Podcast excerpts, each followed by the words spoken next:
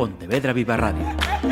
Cara a cara. Damas y caballeros, la Asociación de Directores de Informativos de Radio y Televisión da la bienvenida a Miguel Anxo Álvarez. Volvemos a invitar a este podcast del cara a cara a un eh, gerontólogo. Con su permiso voy a decir que mm, pontevedrés, aunque la residencia no la tenga aquí en la ciudad de Pontevedra, pero la tiene aquí al, al lado, en, en Barro. Miguel Anxo Álvarez, bienvenido de nuevo. ¿Para qué me voy a andar con rodeos? Mm, Muy buenos días y tengo que comenzar naturalmente dando las gracias al equipo de Pontevedra Viva por permitirme Por poner favor. a disposición de la sociedad mis humildes conocimientos en este ámbito.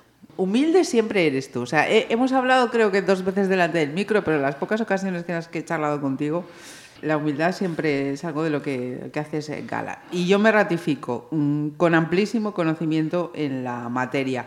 Os hago un repaso porque en la anterior ocasión charlamos con él con motivo de, mm, de su anterior eh, libro, La memoria de las personas ma- mayores, qué hacer para mejorarla. Y esta vez nos trae educación para la salud, la prevención y el conocimiento, pilares fundamentales para el envejecimiento activo. Mm, Yo preparando esta charla, Miguel, y al ver ya este titular, mm, decía, este libro tiene un, un abanico de destinatarios enorme, ¿no? ¿A, quién quieres dirigir este, este título? El objetivo de, de este libro es transmitir aspectos esenciales de la promoción de la salud a través de la educación. Con ella, con la publicación y las conferencias que suelen provocar este- estas presentaciones, lo que pretendo es que se pueda mantener o mejorar la calidad de vida, sobre todo del ámbito de las personas mayores y de los que estén en la antesala, y algo que a mí me hace muchísima ilusión, que es hacer coincidir en lo posible la esperanza de vida con la esperanza de vida libre de discapacidad. En, en aspectos estadísticos de, proporcionados por el Ministerio de Sanidad, nos dicen que España goza de una gran esperanza de vida, anda en torno a los 85 años la media de ambos sexos, pero a partir de los 65 edad emblemática porque coincide con la jubilación y otras pérdidas asociadas a esa edad, hay unos 18 20 años en que la gran mayoría de las personas mayores cursa con niveles de independencia muy limitados. De ahí que mi pretensión con este libro es educar en materia de salud pública para, en la medida de lo posible, que la esperanza de vida pueda durar todo lo posible a partir de esos 65 años. Pues con, con esto mm, el espectro de personas a las que puede eh, interesar este, este título pues va desde el ámbito público hasta cualquier esfera privada, está claro. Mm, Mira, Miguel, quería que nos detuviésemos en los, en los factores que inciden en ese, en ese concepto global de salud que tú aludes. Lo, primero, concepto global de salud. No hablamos solamente de salud como oposición a enfermedad, ¿no? En el libro, el autor va a introducir a la sociedad en el concepto de salud. La salud podemos entenderla desde distintos puntos de vista. Yo la considero no en términos asistenciales o reparadores, sino como la salud es la capacidad de desarrollar el máximo potencial con el que hemos nacido y hemos desarrollado para responder de forma positiva a los retos que la vida nos presente. Ajá. Eso para mí es la salud. La Organización Mundial de la Salud en 1946 definió la salud, creo que se mantiene en este momento ese tipo de definición, y dice que eh, la salud es no solo la ausencia de enfermedad, sino eh, un estado completo de bienestar físico, mental y social para, sobre todo, que ese estado, cuidándolo, nos permita tener calidad de vida e independencia, sobre todo en el último tramo de la vida. Físico, mental y social. Em, quiero pasar entonces a que nos detengamos en esos, en esos factores. Físico, mental y social. Estas personas tienen unas coberturas sociales, asistenciales, que les permita una buena salud en el sentido en el que tú la estás explicando? Hay un apellido, Lalonde, era ministro de Sanidad en Canadá, allá por la década séptima del siglo pasado, que de definió unos determinantes de la salud, hablo del año 1974, que todavía siguen en vigor. Esos determinantes de la salud son cuatro patas. El medio ambiente en el que vivimos y desarrollamos el ciclo vital, los estilos de vida con los que uno hace el comportamiento diario, la biología, los genes con los que hemos nacido y los servicios de salud de aquellos lugares en los que yo vivo. Pero estos cuatro pilares no aporta cada uno de ellos un 25%. Tienen unos factores distintos. Está demostrado científicamente. Me estoy refiriendo naturalmente al primer mundo, Europa, Canadá, Nueva Zelanda, Australia, España naturalmente. El medio ambiente influye un 19% en esos determinantes de la salud. Los estilos de vida, un 43%. La biología, la fisiología, los genes que hemos heredado de nuestros antepasados, un 27%. Y los servicios de salud, un 11%. Esto está determinado y... científicamente. Contestando de manera concreta a tu pregunta, si las instituciones, los poderes públicos atienden de manera adecuada a esto, yo voy a hacer una crítica, voy a emplear el calificativo feroz. ¿Por qué?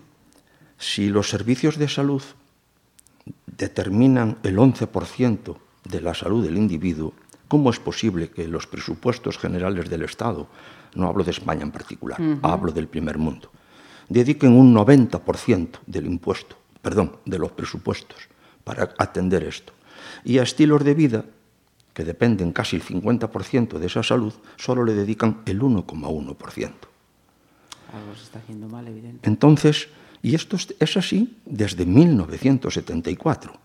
Un punto más de presupuesto o menos, pero uh -huh. fluctúa de esta manera. Yo recuerdo, yo he sido militar de carrera, estuve cinco años de academia, hemos hecho un plan de estudios determinado, y me acuerdo, en colación a lo que estamos comentando ahora, que nos decía un profesor de mecánica, nos decía, una peseta gastada en mantenimiento, diez pesetas que ahorramos en averías en el vehículo en cuestión. Uh -huh. Y entonces yo lo traslado haciendo una, una metáfora. ¿Cómo es posible que la, los estilos de vida de la persona dependan de un 40, influyen un 43%, 43. y le dediquen el 1,1%? ¿Cuánto dinero ahorraríamos a las arcas públicas? ¿Y cómo mejoraría la salud de la población si se invirtiera de alguna manera diferente este gasto uh -huh. de los recursos públicos en la distribución de los determinantes de la salud que acabamos de comentar? Es lo mismo que sugerir una alimentación saludable, invertir en educar para la, para la salud alimenticia, invertir para poner a disposición de la ciudadanía um, deporte, actividad física, porque a fin de cuentas la alimentación y el deporte o la actividad física uh -huh. van a permitir alargar el ciclo vital con vitalidad, valga la redundancia. Entonces, contestando directamente a tu pregunta, creo que ha quedado claro. Las instituciones, yo no estoy hablando de, de un, un, partido sí, político, es. yo estoy hablando de los que ejercen la responsabilidad de utilizar los impuestos de esta manera o de la otra. Mm. Creo que aquí podría haber un ajuste, un ajuste un poquito más proporcional a la importancia que tiene cada uno, cada uno de, de, los factores. cuatro determinantes.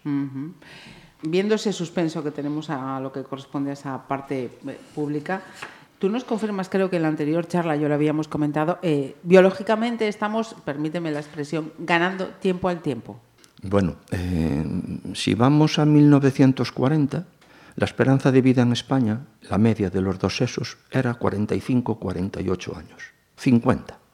Ahora tenemos 85. Las mujeres tienen de esperanza de vida 87, 87,5 y los varones 82 y medio, aproximadamente.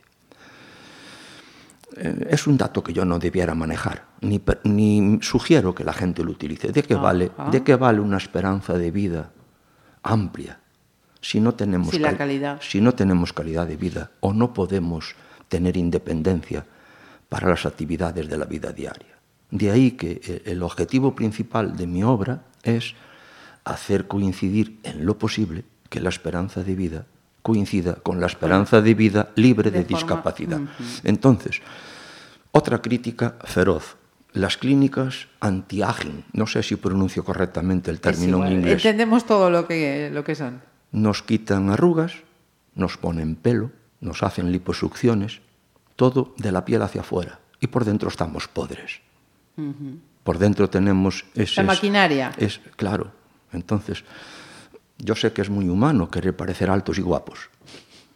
Pero aquí no hay que hablar de estética. Aquí estamos hablando de salud, estamos hablando de ética. Y no viene del aire, viene de nuestros estilos de vida y viene de nuestro esfuerzo para, en la medida de lo posible. Yo ayer empecé un curso de nutrición y dietética aquí en Pontevedra. Y, y yo pretendo sugerir una serie de hábitos alimenticios en que, por ejemplo, el exceso de sal perjudica la tensión arterial, que ya de por sí crece con la edad. El exceso de azúcar o hidratos de carbono de absorción rápida son los grandes mm, predisponentes de diabetes tipo 2. Entonces hay que procurar comer con menos sal y con menos azúcar, por no entrar en otros detalles. ¿Qué pasa a la persona que le echa cuatro cucharaditas de azúcar al café? Dejarlo de golpe es imposible. Entonces, ¿cómo son mis métodos para sugerir este cambio de hábitos? Mañana échele tres y media. Y dentro de unos días, cuando usted vea que no hay diferencia en ese sabor del cafelito que se tome, póngale tres. Y a lo mejor en seis meses usted se toma media cucharadita de azúcar. Los cambios, si no se hacen de esa manera, la utopía es la filosofía de lo que pretendamos.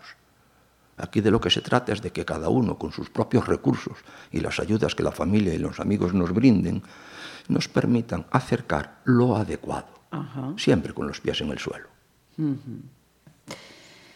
Eh, qué, fácil nos lo hace. Mm, mira, en relación a, eso que, que, decías también, y esto de educación para la salud y llegar pues al final de nuestras vidas con, de forma independiente, de forma eh, saludable. Eh, entiendo que como sociedad también hay que seguir educándonos para que hablar de, de envejecer no sea algo negativo. Las personas tenemos un conocimiento y una experiencia a lo largo de la vida. Y luego tenemos una, una forma particular de interpretar todas, todos esos sucesos que nos permiten en un momento determinado evaluar e interpretar la realidad de una manera. Eso es muy personal. Entonces, ¿cómo interpretamos el proceso de envejecimiento? Pues cada uno tiene el suyo. Y no, salvo exageraciones, eh, todos tienen derecho a interpretar la realidad como ellos la perciben. Aquí de lo que hay que tratar es de diferenciar las falsas noticias, los bulos, las pseudoterapias de lo que es saludable. En el primer capítulo dedico 20 páginas a hablar de la proliferación de las pseudoterapias.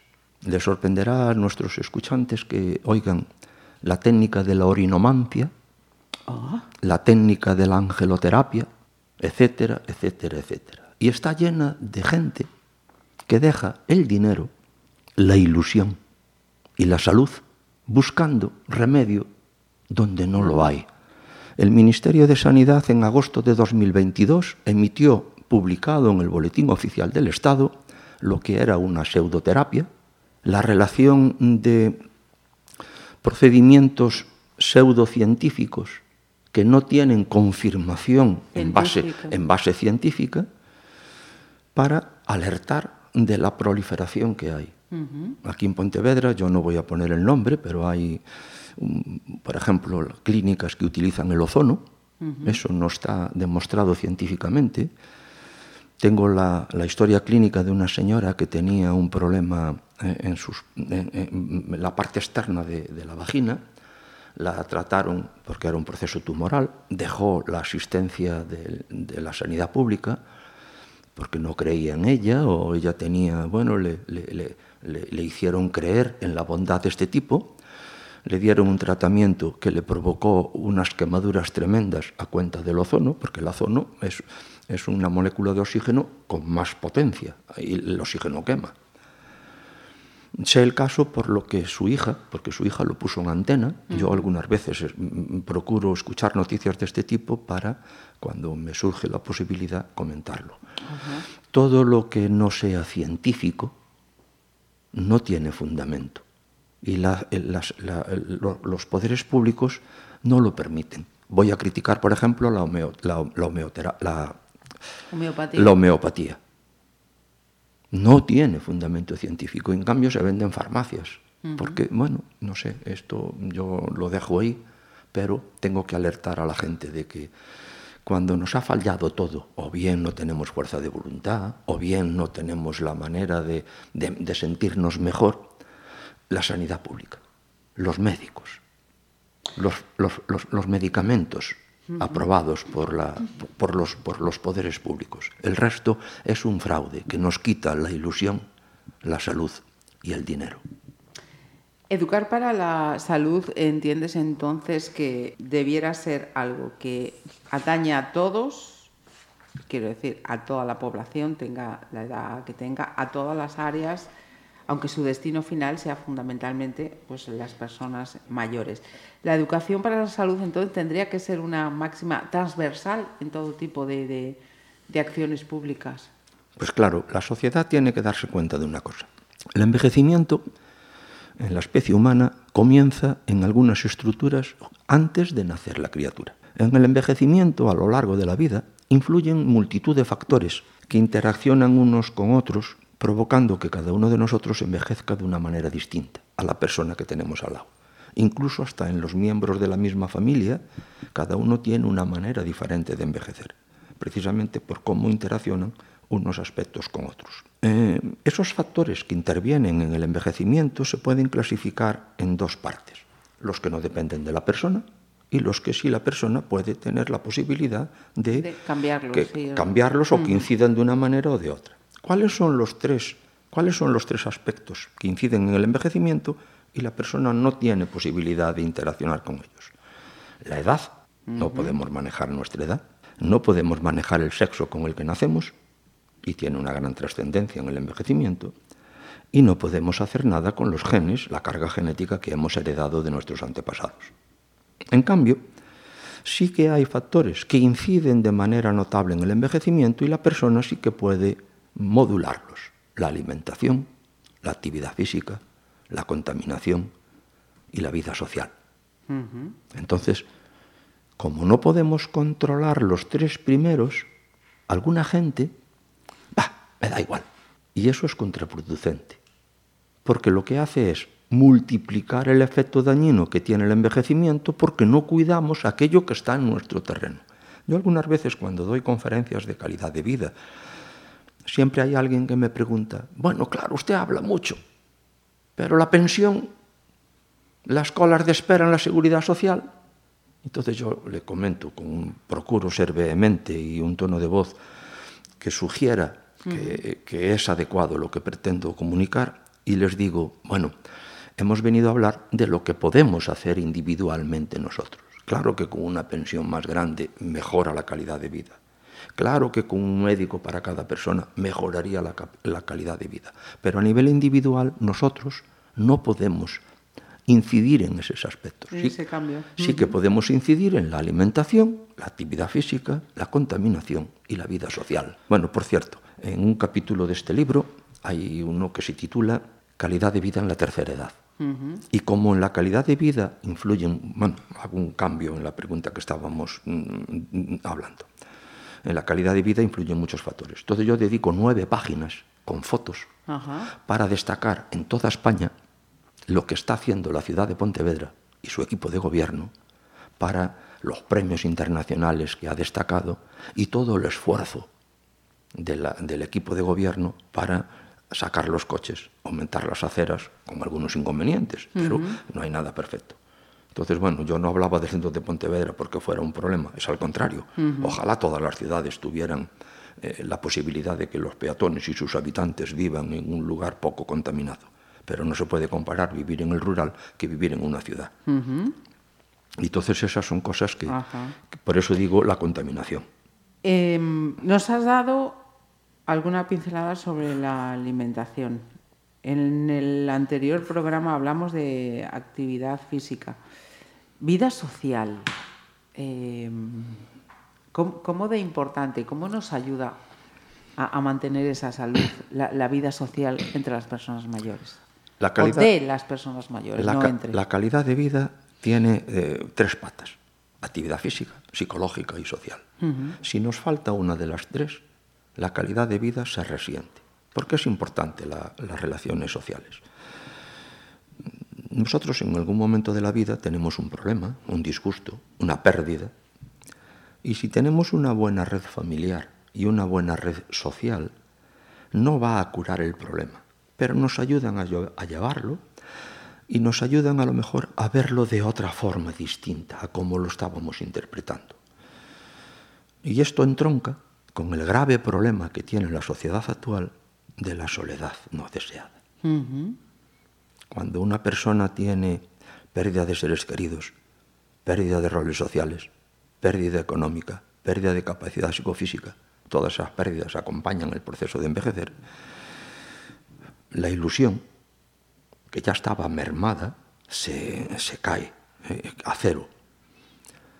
Entonces la soledad, si la soledad no deseada es un grave problema, es para ver la importancia que tiene las relaciones sociales y las relaciones familiares. No podemos tener calidad de vida si vamos por la acera y no nos saluda nadie. No podemos tener calidad de vida si vamos por la acera y nos insultan. Bueno, lo estoy exagerando.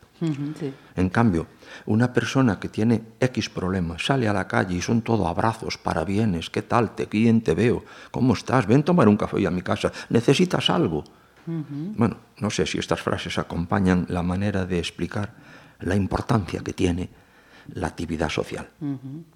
Miguel, ¿y tú por tu experiencia, em, ¿hay, algún, eh, ¿hay algún lugar? Em, y cuando digo lugar, pues me refiero, no sé, a ciudad o un país que creas que están trabajando de la forma correcta o en general esto se nos está olvidando un poquito demasiado. Qué contradicción, un poquito demasiado. Tengo, tengo un hijo, bueno, tengo gemelos que cumplieron 18 años en septiembre. Mi hijo Roque está en Santiago haciendo primero de biología. Mi hija Celia está haciendo primero de enfermería en Vigo. Y Roque me ha sorprendido que, sin saberlo, nos hemos dado cuenta que lleva dos años estudiando japonés. Toma alternándolo con su carrera, que ya de por sí es bastante exigente. ¿Y por qué comento la respuesta con esta anécdota? La comento porque de siempre se ha considerado, aparte Japón es el país con más longevidad y con más calidad de vida, pero no viene del aire. Es la genética de ese pueblo y los estilos de vida que tienen. Entonces, tanto las instituciones públicas como cualquiera que tenga una mínima responsabilidad, la alimentación, el respeto, cumplir las normas, aportar a la sociedad. Les da ese plus de gozar la mayor longevidad, no mucho más que nosotros, pero en calidad de vida. Y no voy a criticar que nosotros no la tengamos, pero no vivimos muy acelerados. Solo nos fijamos en los bienes materiales, que todos los necesitamos. Yo estoy jubilado y acabo de decir que tengo dos hijos, en cada uno en su ciudad, eh, haciendo la carrera, no sé cómo hago para llegar a fin de mes, pero aprendí hace muchos años que hay que saber pagar el precio correspondiente por el dinero que tenemos. Pagar más dinero, claro que hacen falta unos mínimos. Pero bueno, contestando directamente a tu pregunta, Japón, Japón, Japón. Japón. Tenemos aquí el libro, Educación para la Salud, y me decía Miguel antes de comenzar, al estar fuera del circuito de venta, y entonces decía yo, vale, yo para cerrar la entrevista tenía previsto preguntarle, y quienes tengan interés por leer este título, Miguel, mm, ¿cómo tienen que hacer? Bueno, yo colaboro desde 1999 con la Federación de Pensionistas y Jubilados de Comisiones Obreras. Cuando hablo con ellos les digo, soy un instrumento de la federación. Y mis últimos tres libros he cedido los derechos de autor a la Federación de Pensionistas de Comisiones para que lo repartan de manera gratuita en, los, en las federaciones, en, los locales de comisiones, en pensionistas y jubilados, o que la gente lo pueda descargar de Internet. Porque hace muchos años que practico lo de los refranes y a colación de tu pregunta se me ocurre manos que no dais, ¿Qué esperáis? Entonces el que quiera el libro va a, a- a- a la- las oficinas de comisiones, que cada- en cada ciudad o en cada lugar hay una. Si no lo tienen físicamente, porque claro, la edición es una Es edición limitada. limitada, por Claro. cuestiones de costes, ¿no? Pero todo el mundo lo puede descargar de internet Ajá. y luego lo puede imprimir o leer en su ordenador. Pues eh, siempre nos trae buenos eh, consejos. Por cierto, Miguel, que no paras. Eh, tengo entendido que estás de aquí para allá, te, te reclaman para charlas, intervenciones. Eso es muy sintomático. ETAN ha ido dos conferencias en Valencia la semana pasada y ya está acabando el año, ya no me voy a marchar a ningún sitio hasta el 9 de enero que voy a Palma de Mallorca a hacer también conferencias. He dado 47 conferencias este año. Mm, Y eso es, bueno, no lo digo de manera con engreimiento, lo digo para, de alguna manera, em, sugerirle a los que nos estén escuchando que algo debo decir atinado y científico para que las universidades, las instituciones, sean sin ánimo de lucro o privadas, me inviten a participar en transmitir estilos de vida saludables. Miguel Alonso Álvarez González, eh, ¿qué más te voy a decir? Que gracias por, eh, por acompañarnos. Sí, tienes un apunte, cuéntame. Bueno, yo quería terminar. mm, Bueno, no debo ser yo el que concluya la entrevista. ¿Y por qué no? No, Perfectamente. No, no, pero antes de, antes de que tú cierres o des por terminada la entrevista, quería decir, lo he escrito esta mañana y lo, te- lo voy a leer porque no, no me lo sé de memoria todavía. Bueno, hasta ahora hemos hablado de ciencia. Ajá. La ciencia sin alma no sirve de ayuda a la humanidad. Entonces me vais a permitir que os diga, cuando yo me vaya, no quiero que lloréis, quedaros en silencio y vivir los recuerdos. Si sentís mi ausencia, buscarme en los libros, entre mis papeles, porque es más triste vivir olvidado que morir millones de veces y ser siempre recordado. Muchas gracias. Pontevedra Viva Radio. ¿Me permiten que les haga un comentario como espectadores del programa Cara a Cara? Según un reciente sondeo de mercado, ustedes disponen de estudios e inteligencias superiores a la media. Sus intereses abarcan desde la actualidad mundial y la ciencia hasta el deporte y los espectáculos.